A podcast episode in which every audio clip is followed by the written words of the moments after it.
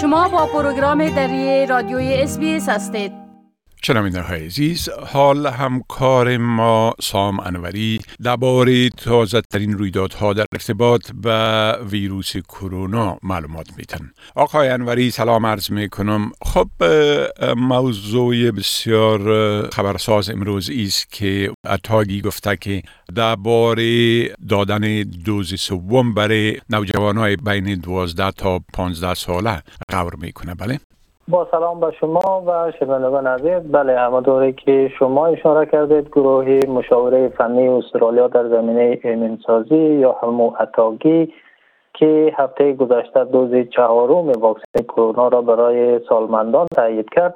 اعلام کرده که در حال بررسی امکان تطبیق دوز سوم به نوجوانان 12 تا 15 ساله است.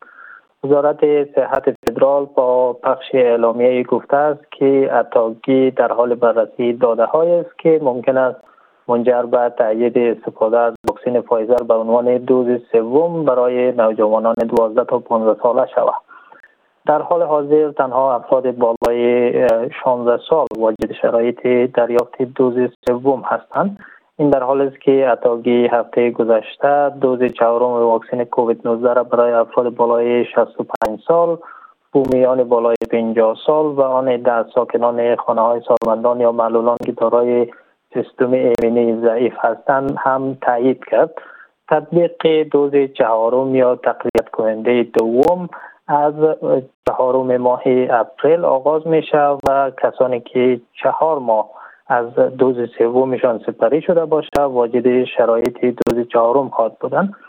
در حال حاضر اتاگی دوز چهارم را به بقیه جمعیت کشور توصیه نمی‌کنه اتاگی پس از آن اقدام به تایید دوز چهارم کرد که نگرانی های وجود دارند که میزان ابتلا به کووید 19 در طول زمستان که همزمان با فصل سرماخوردگی یا آنفلوانزا هم هست افزایش خواهد یافت بله خب وضعیت در ایالات نیو ساوت ویلز و ویکتوریا از چی قرار است؟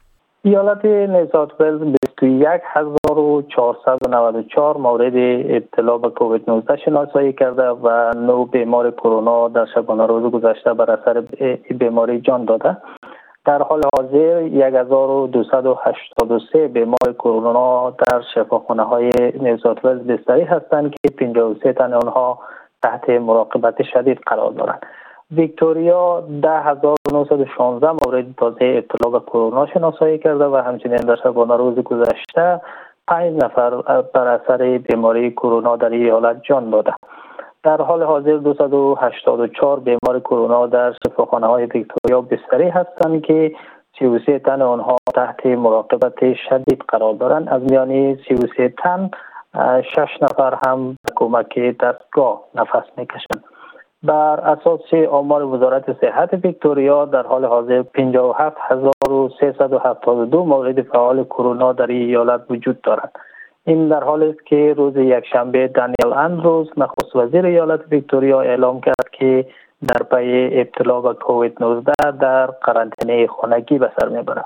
آقای اندروز در اعلامیه گفت که بعد از تجربه علایم خفیفی چون گلودردی و تب خفیف آزمایش سریع انتیجان انجام داده و نتیجهش هم مثبت آمده. آقای اندروز گفت که برای هفت روز آینده به همراه خانواده خود در قرنطینه خانگی خود بود و جیمز مرلین تا تاریخ چهار اپریل به عنوان نخست وزیر سرپرست وظایف او را پیش خواهد برد. بله. خب حالا می‌تونین درباره آمار مجموعی مردم مبتلا به ویروس کرونا و همچنان مردمی که در اثر ای بیماری جان دادن در استرالیا و در سراسر جهان معلومات بدین. بله مجموع مبتلایان کرونا در استرالیا به بالای چهار میلیون و یکصد و هشت هزار مورد و شمار قربانیانش هم به پنج هزار و هشتد و نود و هفت نفر رسیده. از سوی دیگر تا اکنون بیش از 56 میلیون و 220 هزار دوز واکسن کرونا در سراسر استرالیا تطبیق شدند در مجموع بالای 86 درصد جمعیت واجد شرایط کشور واکسن زده که این شامل 4 درصد واکسیناسیون یک دوزه بالای 82 درصد دو دوزه و 49.6 درصد واکسیناسیون سی دوزم میشه.